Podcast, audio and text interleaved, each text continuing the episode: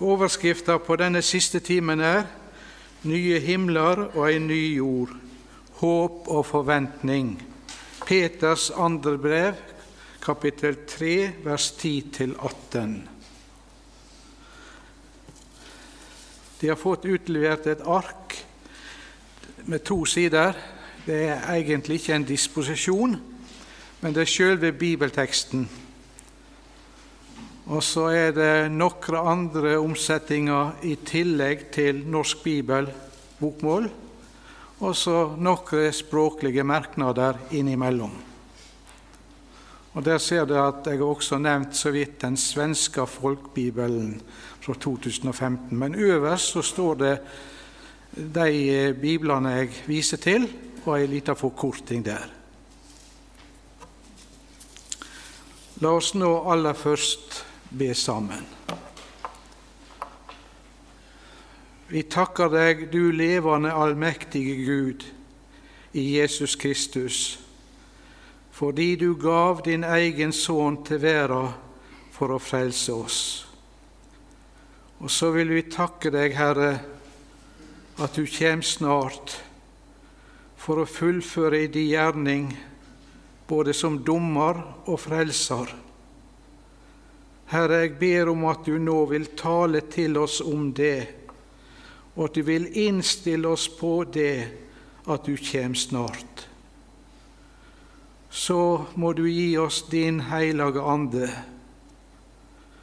til å forstå ditt ord rett og til å ta imot det nå. Amen.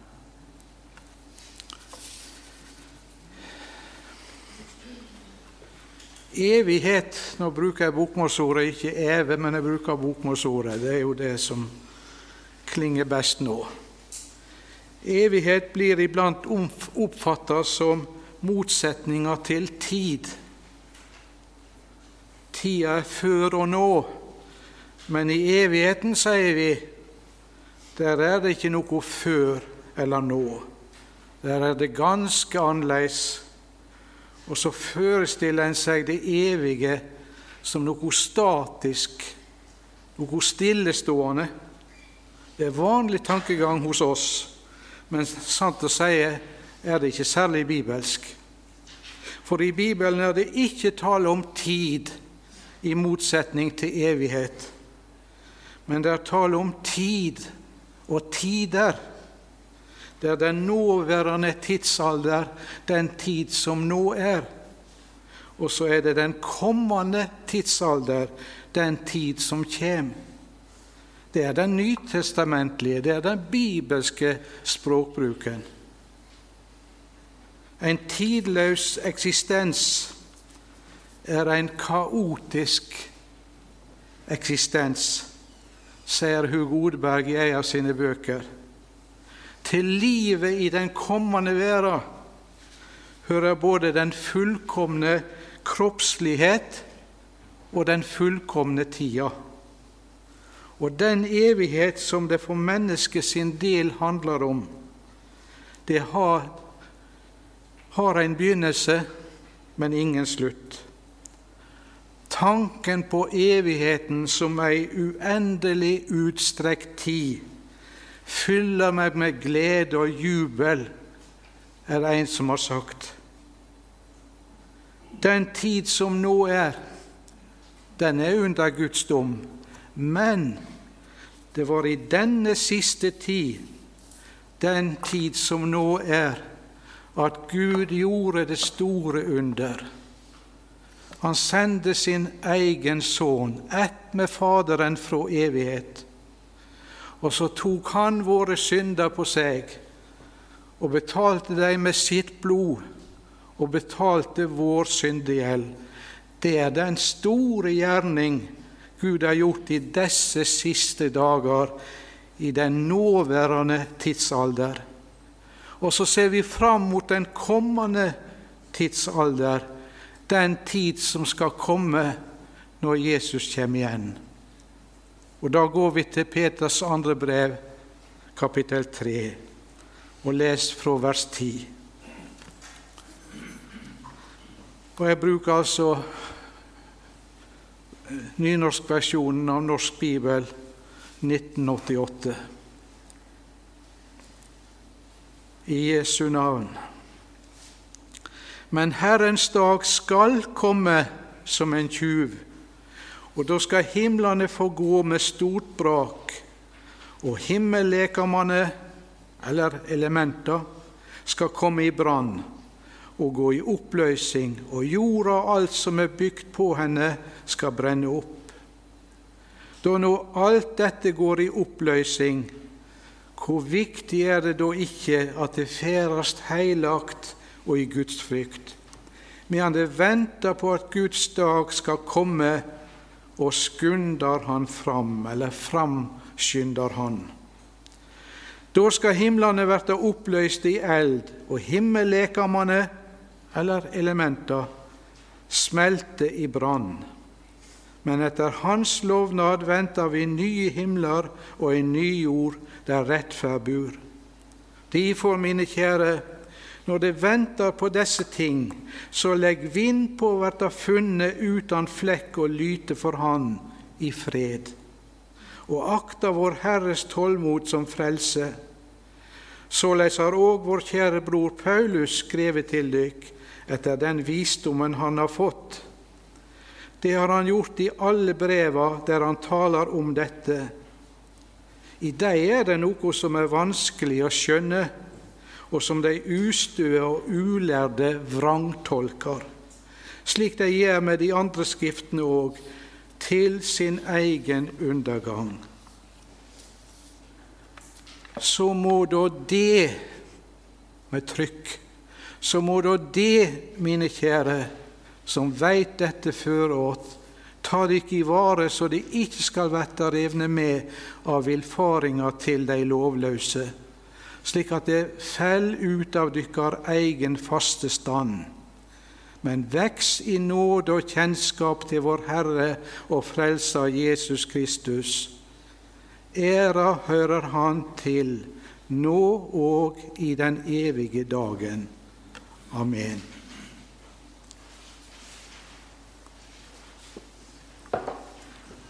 Vi snakker om at vi er frelste mennesker, vi som tror på Jesus.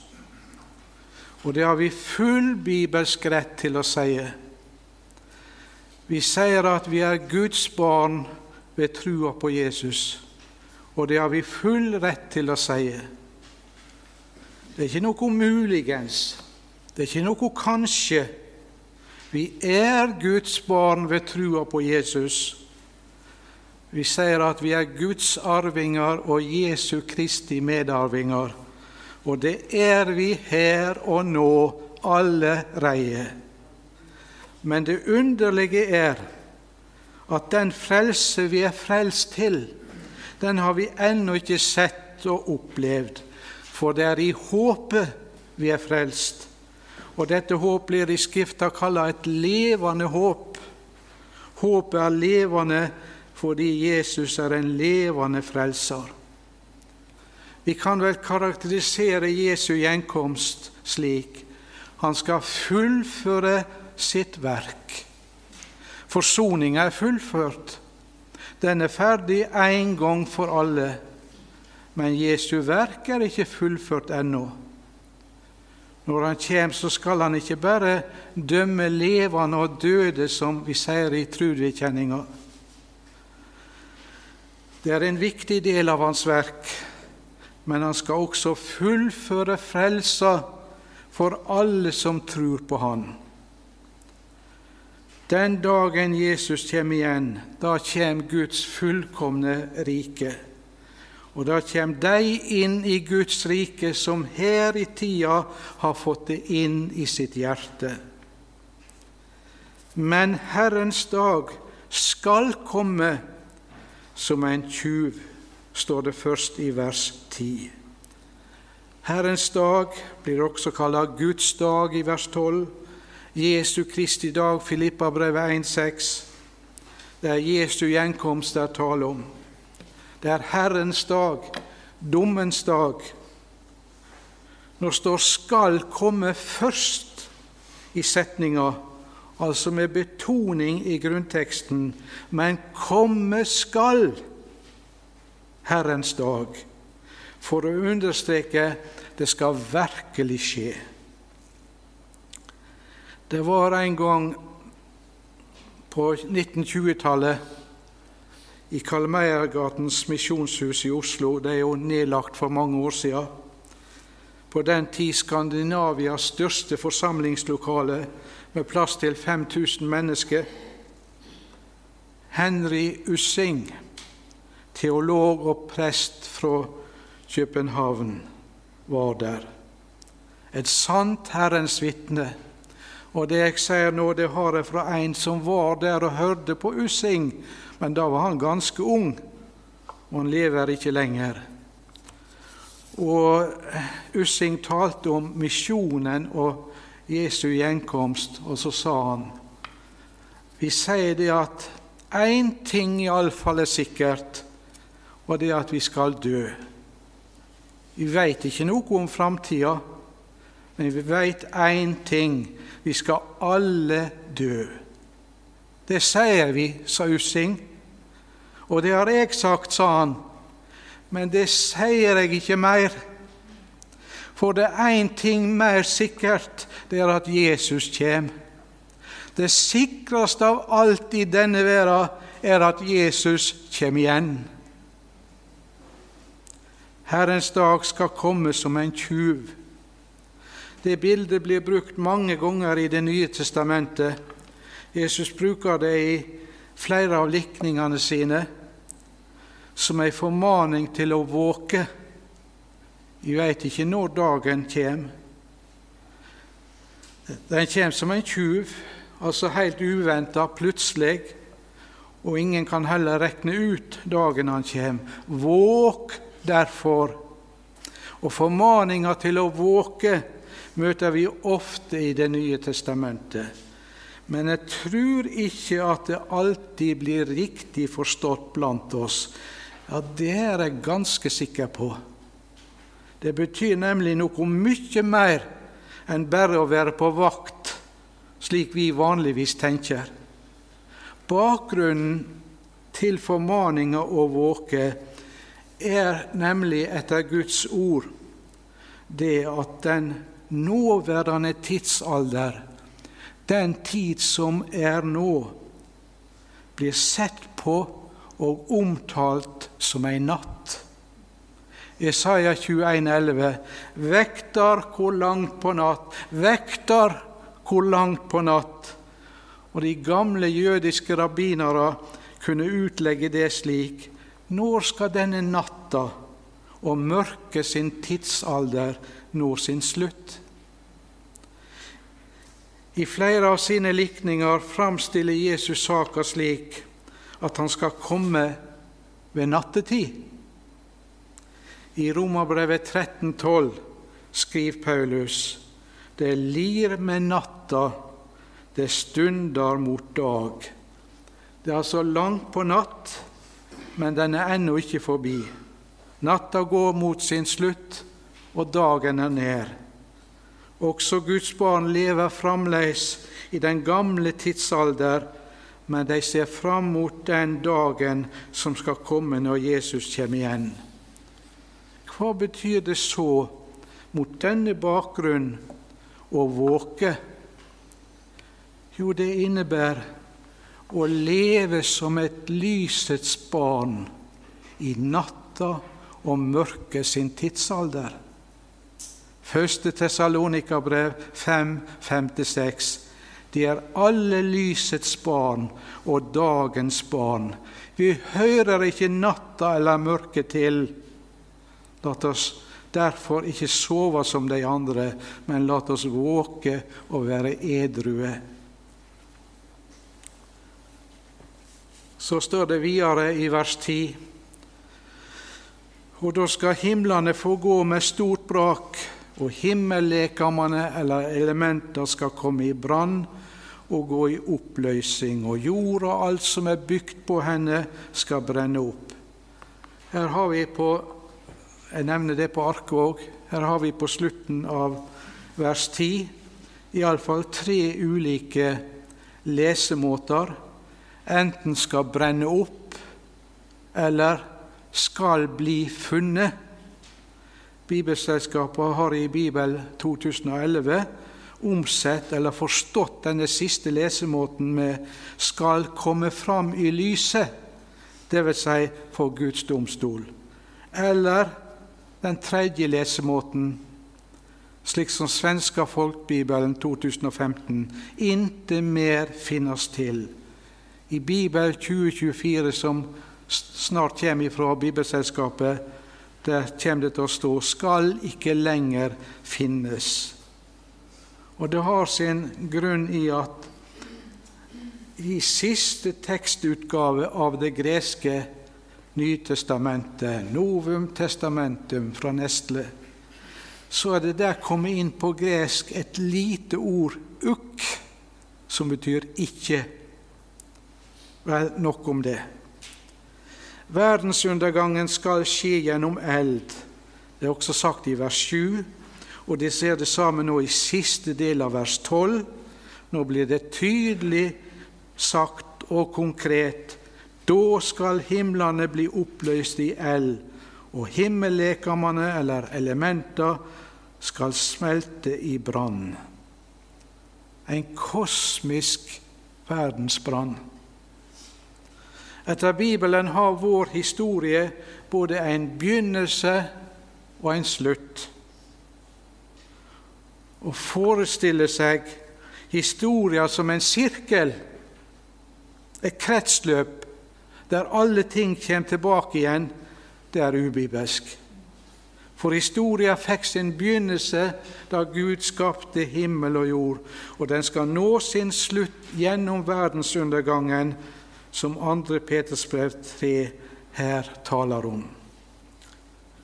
Jesus sier i sin endetidstale i Lukas 21 at da skal det vise seg tegn i sol og måne og stjerner, og himmelkreftene skal rokkes.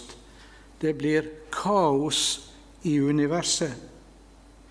Det skjer noe som ingen vitenskap har regna med. Og for å bruke et enkelt bilde himmel og jord kommer til å likne et gammelt, åreforkalka legeme. Synet er der, men det er svekka. Hørselen er der også, men den er også svekka. Legemet er der nok, men det fungerer ikke som før.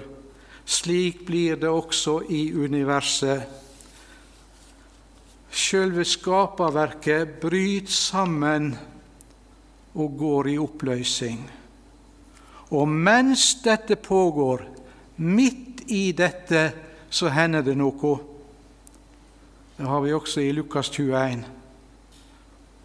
Da skal alle mennesker, skal alle mennesker se Menneskesonen komme i skya med kraft og stor herligdom. Da kommer Jesus. Da kommer den dagen da menneskeslekta for første gang og for seint skal innsjå det var Bibelen som hadde rett. Det er sant det de kristne har trudd på og har vitna om. Et alvorlig ord, men vi har fått dette Guds ord for at denne dagen ikke skal komme overraskende på oss, men at vi er reiseklare når Han kommer. Når den gamle verda går under, skjer det for å gi plass for en ny himmel og en ny jord. Mens Nå går jeg til vers 13. Vi kommer tilbake til vers 12, 11 og 12 senere. Nå går jeg til vers 13. Men etter Hans lovnad venter vi nye himler og en ny jord, der rettferd bor. Når Jesus kommer igjen, så skal han opprette Guds fullkomne rike.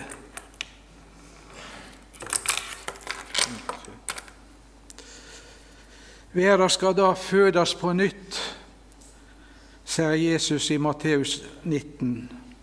Den gjenfødelsen er en gjenfødelse av himmel og jord, av universet. Både himmel og jord kommer til å få gå i den skikkelse det har nå. Men det er ikke slutt med himmel og jord da. Den gjenoppstår i en ny skikkelse, altså ikke tilintetgjøring eller tilintetgjørelse, da, for å si det på bokmål, men forvandling. Det har ikke jeg tid å si mer om nå. Men det gjenoppstår i en gjenfødt og herliggjort skikkelse, i en fullkommen skikkelse, et uforgjengelig univers. Skaperverket er skjønt nå, slik som vi ser det. Tenk deg hvordan det kommer til å bli. Det blir det som det var skapt til å være fra begynnelsen av. Og da skal himmel og jord være naturgrunnlag for det fullkomne Guds rike. En ny himmel og en ny jord der rettferd bor. Den beste kommentar til dette er Bibelen sjøl. Jeg vil gjerne lese de første fem versene i kapittel 21 i Johannes' åpenbaring. Og jeg så en ny himmel og en ny jord. For den første himmelen og den første jorda hadde veket bort, og havet er ikke mer. Og jeg så den hellige byen, den nye Jerusalem, stige ned fra himmelen fra Gud, gjort i stand lik ei brud som er prydd for brudgommen sin. Fra trona hørte jeg ei høg røyst som sa, Sjå, Guds bostad er jo mennesker. Han skal bo hjå dei, og de skal være hans folk. Og Gud sjøl skal være hjå dei og være deira Gud. Han skal tørke hver tåre han skal tørke hver tåre fra auga deira. Og døden skal ikke være mer. Og ikke sorg, og ikke skrik, og ikke pine skal være mer. For de første ting har veket bort. Og han som satt på trona, sa, Sjå, jeg gjør alle ting nye. Det er fullendinga, det. Det fatter vi jo ikke. Det aner vi ikke. Og alt dette kommer ned fra Gud. Og det vil si at vi skal ikke lage dette. Det er ikke et resultat av hva vi har stelt og, stelt og fått til. Det må vi aldri tenke. Det stiger ned fra Gud. I paradis før syndefallet kunne mennesket synde. Den muligheten var der, og det skjedde. Etter syndefallet kunne mennesket ikke annet enn å synde. I fullendinga skal vi aldri mer kunne synde. Det er vår framtid, det, som vi har i Jesus. Og så går vi tilbake til vers 11.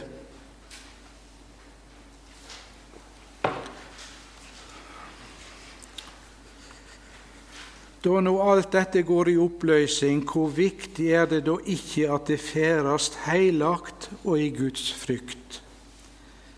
I grunnteksten står dette underlige ordet på gresk som betyr 'det er nødvendig at det' osv. Det er etter Guds vilje og plan og rådslutning å leve slik. Og så står i tillegg både heilagt og i Guds frykt, eller bokmål, på bokmål i hellighet og Guds frykt. Det står i flertall. Det er i samsvar med Guds plan og rådslutning å være i heilage vandringer, heilage oppførsler og gudsfrykter, eller gudfryktigheter. Og det kan vi ikke godt si på norsk. Men vi forstår godt hva som er meint.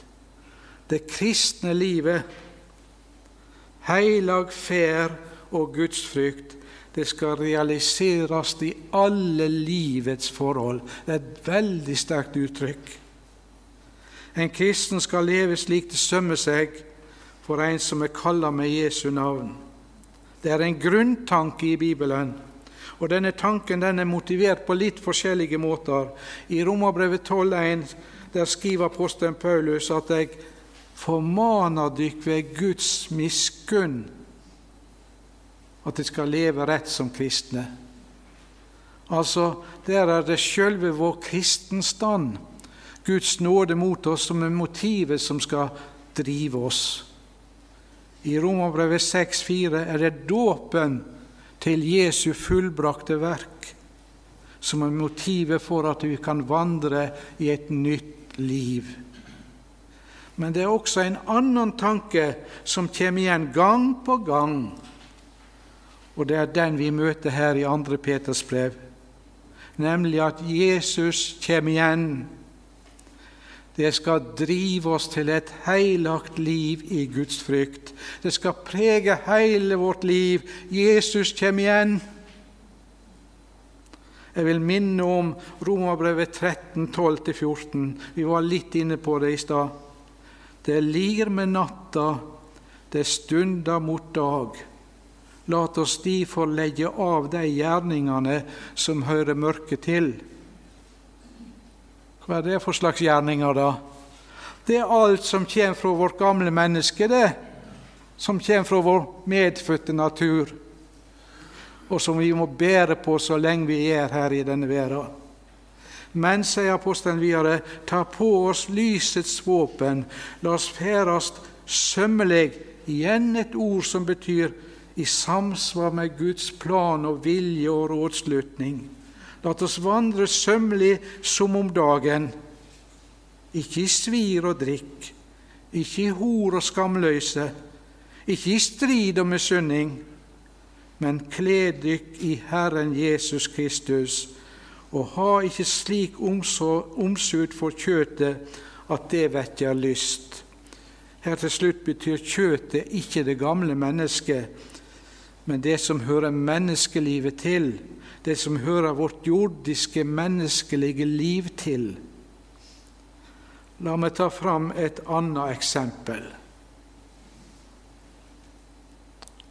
Filippabrevet 3,20. Norsk bibel, men vi har heimlandet vårt i himmelen. Derfra venter vi òg Herren Jesus Kristus som frelser. Bibel 2011 men vi har vår borgerrett i himmelen. Bokmål 1930, for vårt rike er i himlene. Disse ordene 'vår' og 'vårt' det må du alltid lese med betoning. Vårt heimland, vår borgerrett, vårt borgerskap, vårt rike Borgerskap eller borgerskap er nok det beste ordet. Det var en stor fordel å ha borgerrett i det romerske riket. Ikke mange hadde det. De som hadde det, sto i en særstilling og hadde mange, mange fordeler. Annet betalte de mye mindre i skatt. Det er jo ikke noe ukjent fenomen. Filippabrevet er skrevet til forsamlinga i Filippi. Og Filippi var det som den gangen ble kalla en romersk koloni eller koloniby. Keiseren i Rom let romerske veteransoldater slå seg ned i Filippi etter endt tjeneste. Det var flere slike kolonier eller kolonibyer rundt om i Romerriket. Byen Filippi var en sånn stad. Så disse romerne bodde i Filippi, men heimlandet, borgerretten, var i Rom. De hørte til der, og det var de stolte av å vite. Og det preger deres tanker, og det preger deres oppførsel. Ofte negativt òg, da. Vi bor nok her i Filippi, men her skal de sjå. Vi hører til hos keiseren i Rom. Men så skriver apostelen til de truende i Filippi, og de fleste av dem hadde ikke romersk borgerrett. Men, sier han, vi har vårt heimland, vår borgerrett i himmelen. Jo, det var fint å ha sin heim i Rom og egentlig hører keiseren til, men hva er det mot å bo her på jorda som en gjest, og så ha sitt heimland i himmelen? Det er uendelig mye større.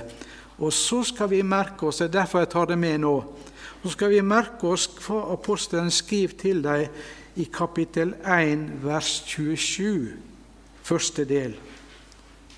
Se bare til at de lever et liv som er Kristi evangelium verdig. Hva tror du apostelen sier her?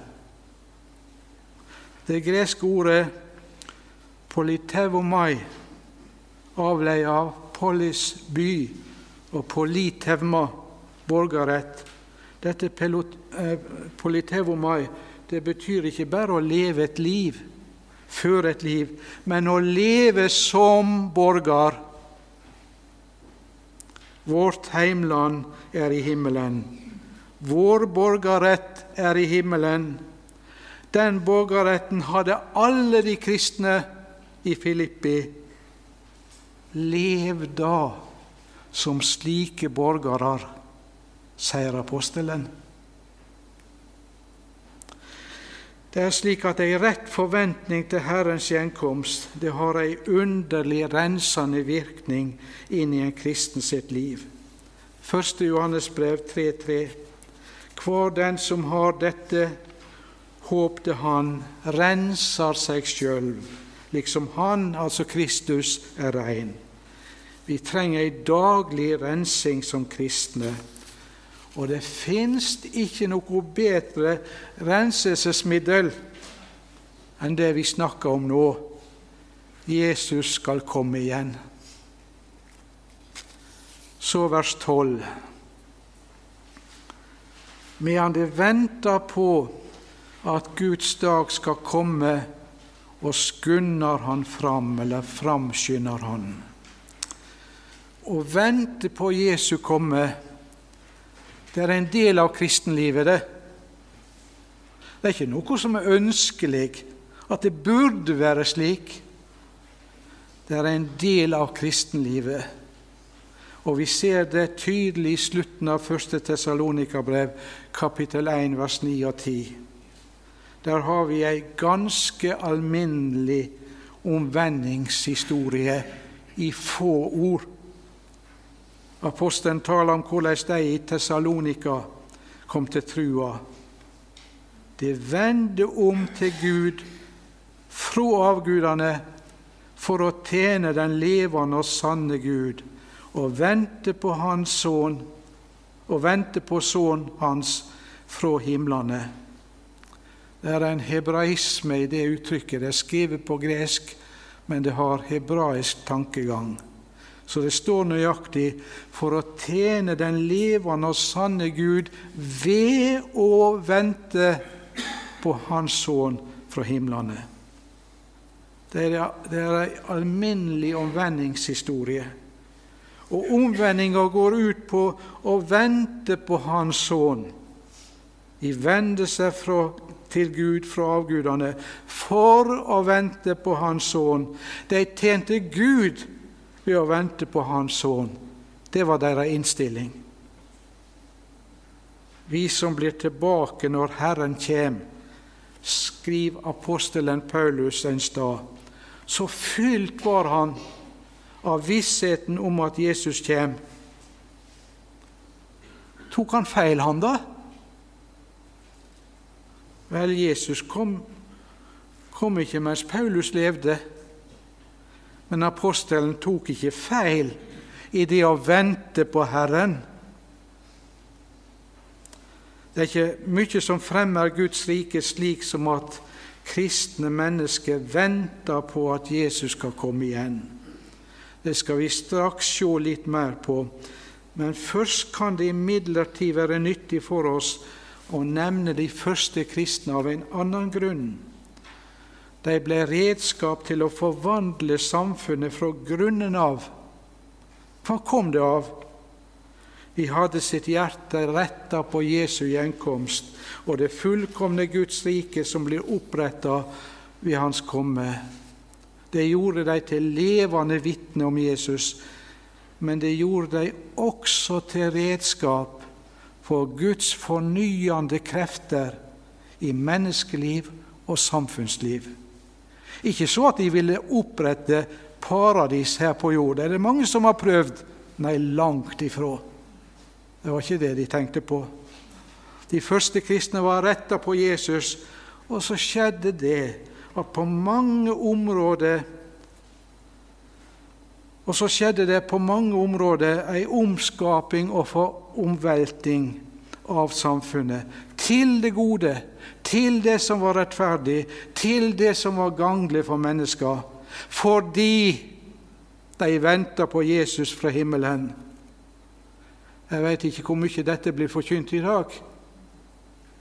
Vi trenger alle å høre det, men dette har jeg et budskap særlig til unge mennesker som skal vokse opp i den tid vi lever. C.S. Lewis sier i en av bøkene sine de kristne som gjorde mest for den nåværende verden, var nettopp de som tenkte mest på den neste. Det er siden kristne i vid utstrekning har slutta med å tenke på den andre verden, at de er blitt så ineffektive i denne. Sikter du mot himmelen, vil du få jorda med på kjøpet. Sikter du mot jorda, får du ingen av delene. C.S. Lewis.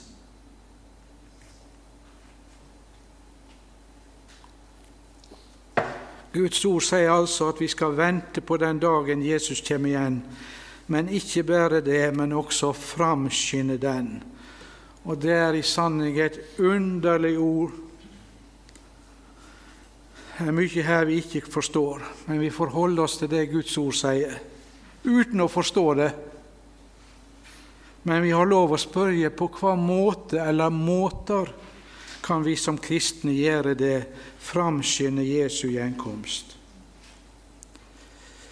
Jeg nevner noen som alle hører med. Vi kan framskynde Jesu gjenkomst hver gang vi ber Fader vår, la riket ditt komme. La riket ditt komme.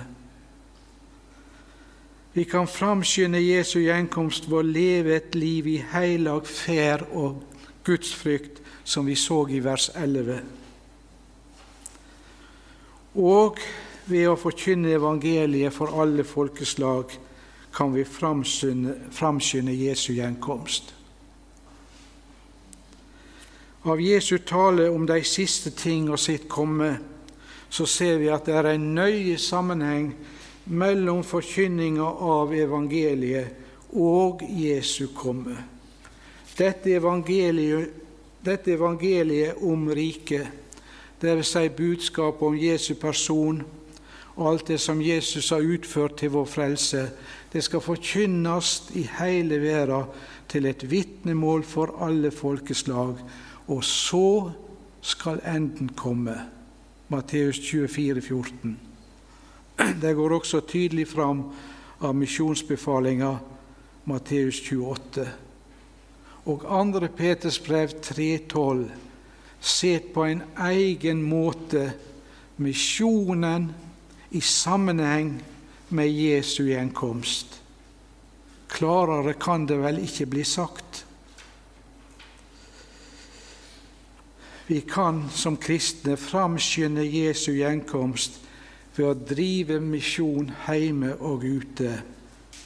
Men dette er i vår sammenheng nå altfor generelt som svar. Vi trenger å få dette svaret mer personlig. Og Da tenker jeg på Matteus 25, 25 14-30. Vi skal ikke lese den teksten, men har du Bibelen, kan du gjerne slå opp. For der taler Jesus om den rette måten å vente hans gjenkomst på. Det ordet har noe å legge til, nemlig at å vente på Jesu komme og være innstilt på at Jesus kommer igjen, det vil ikke si å sitte passiv og vente. Men det vil si å være i virksomhet. Vi skal jobbe. Ikke den slags jobbing som kommer fra vårt gamle menneske. Det sa jeg litt om Bibel- og bekjennelseshelga i samband med Salme 1 en tid tilbake. Det er ikke den slags aktivitet, men vi skal jobbe. I Matteus 25, 14-30 er det tale om en mann som skulle fare utenlands, og kaller sine tjenere til seg og overgir dem sin eiendom. Til en gav han fem talenter, til en annen to, og til en tredje én talent. Og Det er et bilde på Jesus som overgir til sine disipler sin eiendom til forvaltning. Og Formålet med at han gjør det, er svært tydelig. Når han kommer igjen, vil han høste der han ikke har sådd, og sanke der han ikke har strødd. Det er lett å misforstå dette med talentene, men det står han overgav dem sin eiendom. Altså, det var det beste han hadde, kunne vi si. Det setter han dem til å styre med. Og hva er det mest dyrebare av alt som Jesus overgav til si truende forsamling til alle tider? Her på jord, før han får opp og setter seg ved Faderens høyre hånd.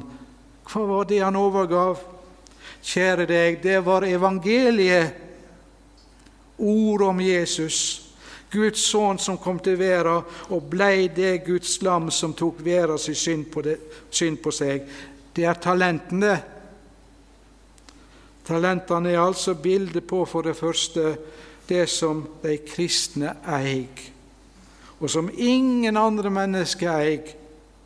At noen får én, og andre får to, og andre får fem talenter, betyr på ingen måte at det er forskjell i kristne mennesker sitt gudsforhold. Alle kristne er like mye frelst og har den samme rettferd for Gud. Og la det også stå klart fra et jordisk synspunkt har ingen fått lite. På den andre sida, sett fra et himmelsk synspunkt, har den som har fått mest, fått lite. Det kan ikke gå mer inn på. Men talentene er det er det andre også bildet på det som utbrer Guds rike.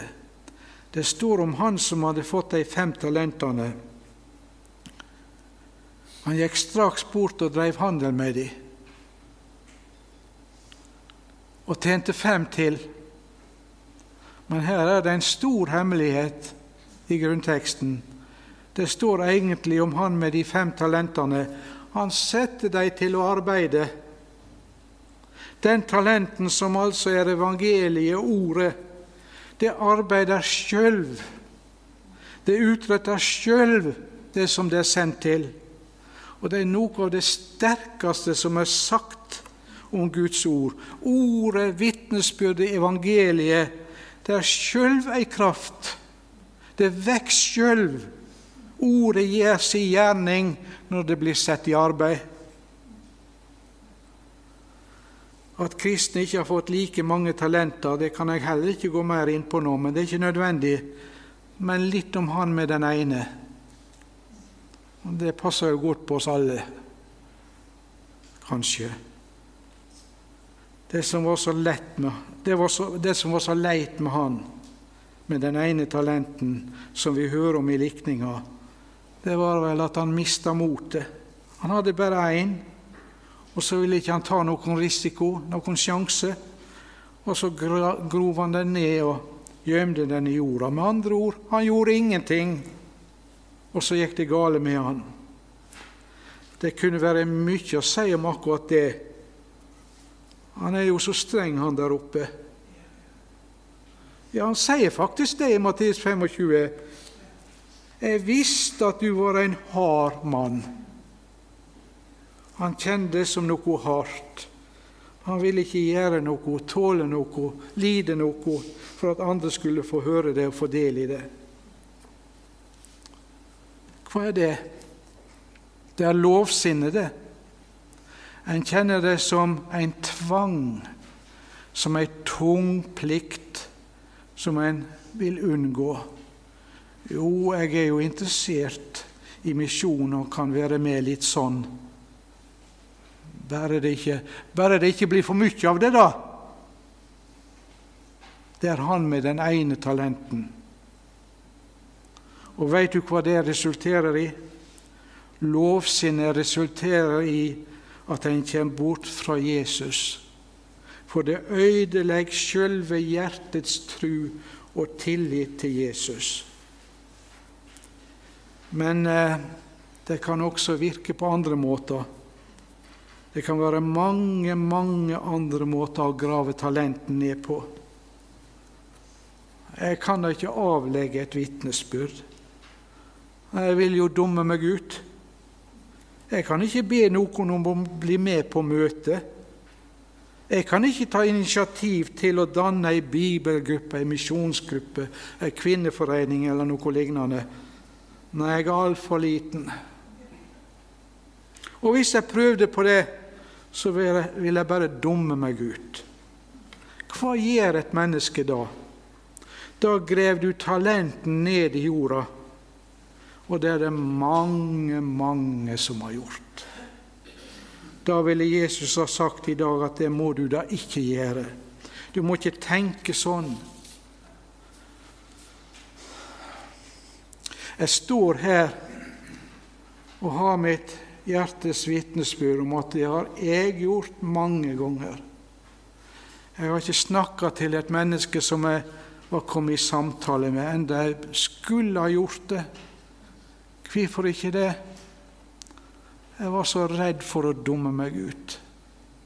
Det tør jeg ikke. Så jeg står her og preiker til meg sjøl nå så godt jeg kan. For jeg trenger dette i aller høyeste grad. Må ingen av oss grave talenten ned i jorda. For kjære venn, hvis du har fått talenten, at du har fått lov til å tru noe som ufattelig stort. At du er frelst og hører Jesus til, ja, da har du fått en talent. Og den talenten du har fått, den skal ut og jobbe. Talenten som altså er evangeliet, arbeider sjøl. Det er Guds ord som gjør arbeidet i Guds rike, sagt. Det burde være tema på alle generalforsamlinger og alle årsmøter i våre kristelige organisasjoner, og ikke minst på kirkemøtet. Men det er jo vel ikke mulig. Det vi er kalla til, er å sette Guds ord i arbeid, så gjør det Herrens gjerning. Talenten skal settes i bevegelse. Den skal ut, den skal fram, den skal inn i hjertene. Den skal ut til alle folkeslag. Det er det Jesus har overgitt oss. Og det skal brukes inntil han kommer igjen. Dette Augustan artikkel 5 betoner så veldig sterkt. Guds ord skal være i funksjon. Ikke alle kristne skal være forkynnere, prester og misjonærer. Men om, det ikke blir vår, om ikke det blir vår livsgjerning, så har vi alle et ansvar for at Guds ord kan være i funksjon. Vi kan f.eks. bruke pengene våre slik at Guds ord blir forkynt hjemme og ute. Vi kan også med vårt personlige vitnesbyrd og vår personlige innflytelse som kristne være med å vinne mennesket for Herren. Et eneste lite ord sagt i rette tid, det kan bli til hjelp og frelse for mange. For misjonsmarka, hvor er den? Misjonsmarka er Bergen hvis du bor der.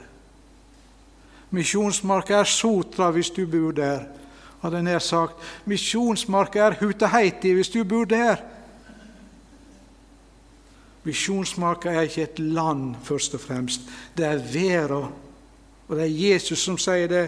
Åkeren er verda, sier Jesus. Matteus 13, 38.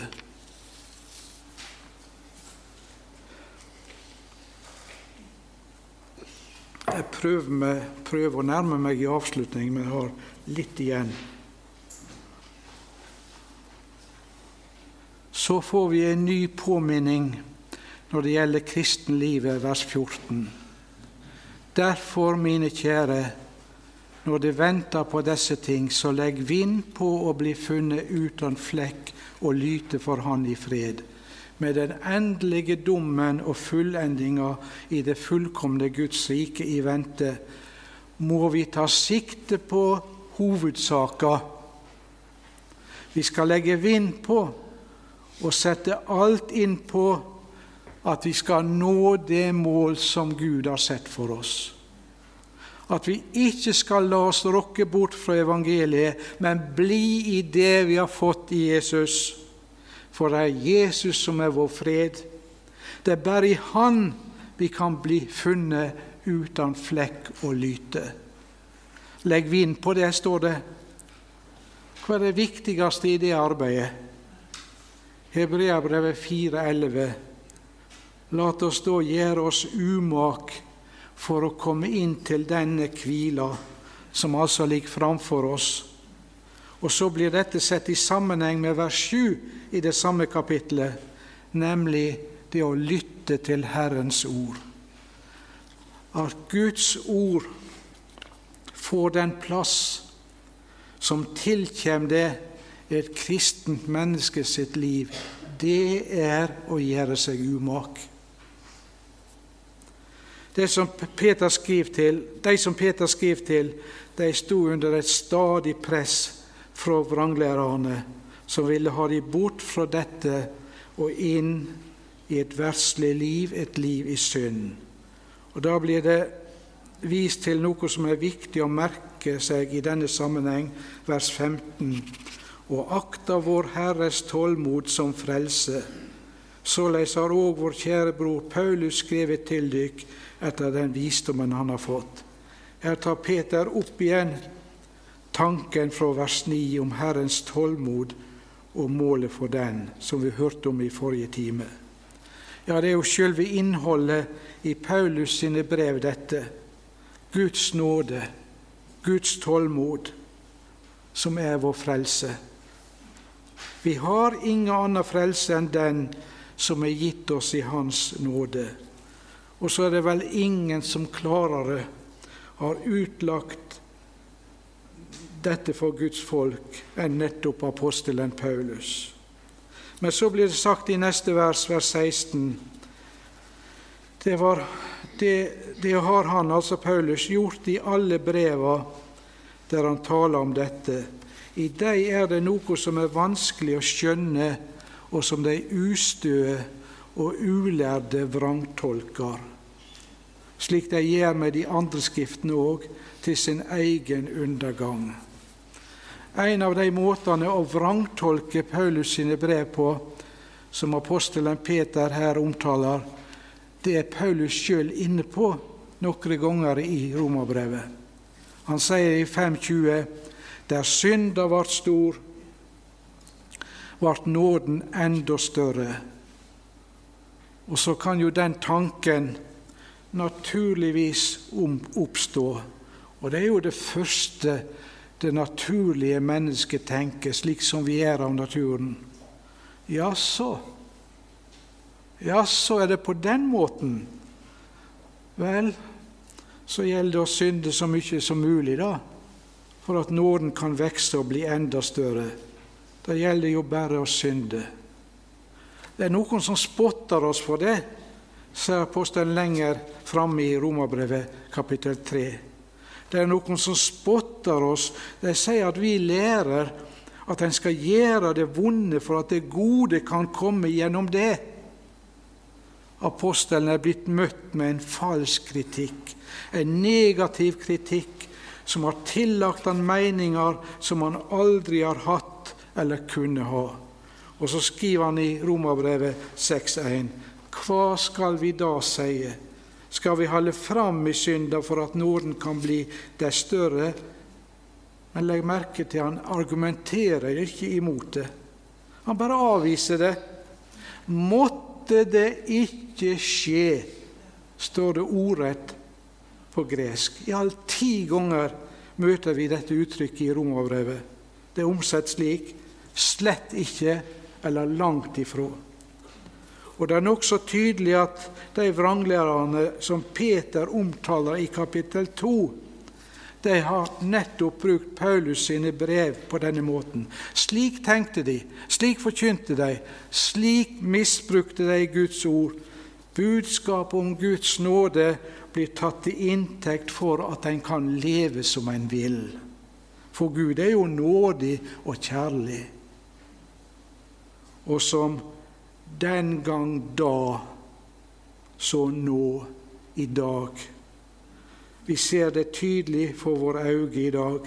Lovløsa, antinomismen i kristenheten, i de kristne forsamlingene, den tiltar slik at en i mange spørsmål ikke vil innrette seg etter Guds vilje, slik den er uttrykt i Skrifta. Jan nevnte det vel i første time. Tru på kjærleikens Gud, ikke på Bibelen, var det en biskop som presterte å si i oktober i fjor. Det er lovløsa, det. Så slutta brevet med en konklusjon på hele brevet med to presens imperativer, som på gresk betyr noe som stadig alltid skal gjelde som en ikke blir ferdig med. Ta dykk i vare, vers 17. Veks i nåde og kjennskap til Jesus, vers 18.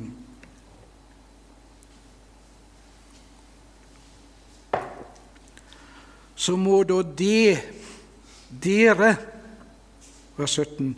Det står først i setninga sterkt betona det, dere. Det er stilt i sterk motsetning til vranglærerne i vers 16. Så må da de, mine kjære, som veit dette føråt, ta dykk i vare, så de ikke skal verta revne med av villfaringa til de lovløse, slik at det fell ut av dykkar egen faste stand. Vers 18. Men veks i nåde og kjennskap til vår Herre og Frelser Jesus Kristus. Æra hører Han til, nå og til den evige dagen. Amen det siste uttrykket her, 'til den evige dagen', eller 'til evighetens dag', det kan enten være dagen da evigheten begynner, eller den dag som er identisk med evigheten. Et enkelt bilde til vers 17. Se for deg et menneske som står ute i ei elv der det er sterk strøm. Da må en ha fotveste under beina for ikke å bli revet med av strømmen. Og i denne sammenheng vårt fotfeste, vår faste grunn, vår egen faste stand, det er sanninga om Jesus. Det å være en kristen her i verden, det er å være en kristen her i verden. Vi står i fare for å bli revet med av den strømmen der de fleste mennesker går den strømmen som består av det de fleste mennesker tenker. For det å høre Jesus til, det er å gå mot strømmen. Det å la seg prege av tida, av det de fleste mennesker tenker og mener, det hindrer all kristen vekst, og det fører til før eller seinere at en kommer bort fra Jesus. La La deg ikke rive med, men veks i nåde og kjennskap til vår Herre og Frelser Jesus Kristus, og legg merke til det, nøye merke til det. Dette blir sett opp som det eneste alternativ til det å bli revet med av strømmen. Det er bare ved å vekse i nåde og kjennskap til Jesus at vi kan ta oss i vare og være på vakt å vokse i nåde, ikke vokse ut av, men vokse dypere inn i. Hvordan oppleves det? Nå skal vi ikke snakke om opplevelser, men likevel hvordan oppleves det? Hebreabrevet 13, første del av vers 9. La dere ikke føre på avveier av mange slag ulike og framande lærdommer. Og så kommer det For det er godt at hjertet blir styrkt ved nåden. Og så forklarer forfatteren til hebreabrevet hvordan ditt hjerte blir styrkt ved nåden. Han sier i vers 10 at vi har et alter å ete av og spise av. Og nede i vers 12 og 13 så ser vi at det alter det er tale om her, det er det alter der Jesus ble ofra, Golgata. Når en synder ikke har noe annet å trøste og styrke og glede hjertet med enn at Jesus ofra seg til gagn for oss, så har vi fatta om å grepe det gode, det fullkomne, det som er sant, det som er urokkelig. Men vi skal legge merke til at for den som må styrke sitt hjerte ved dette alter, han opplever det ikke som noe som er godt og fullkomment. Tvert imot så kan det ofte kjennes som noe av det mest ufullkomne av alt at jeg ikke er nådd lenger som kristen, men at jeg stadig må trøste og styrke mitt hjerte med at Jesus er død for meg. At hans død er min forløsning, mitt håp, min fred med Gud. Det er nettopp når dette er min trøst, som må, det som jeg må styrke meg med. Det er nettopp da jeg føler jo så ofte at det ville være riktigere det ville være riktigere hvis jeg levde i større kraft som kristen, hvis jeg levde med større alvor som kristen, og med en mye større fylde av åndelige følelser overfor Gud.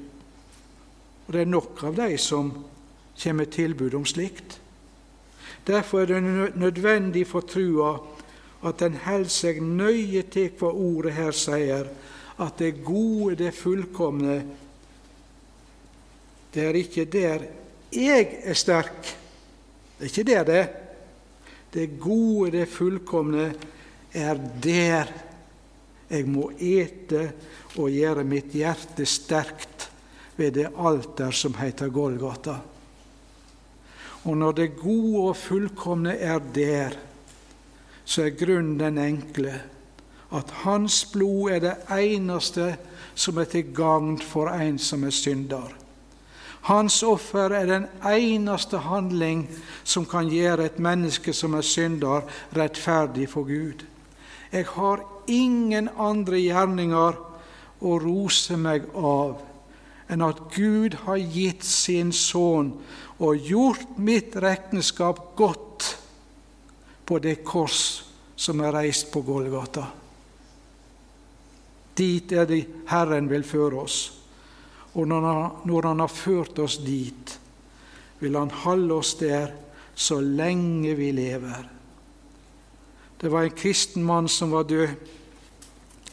På nattbordet fant de en lapp der han hadde skrevet Det første skritt på vei til himmelen og det siste skritt inn i himmelen, kolon. Gud, vær meg synder nådig. Så slutter dette brevet, og det skal også vi slutte. Det slutter med en mektig doksologi, lovprising til Jesus Kristus. Æra hører Han til både nå og til evig tid. Amen.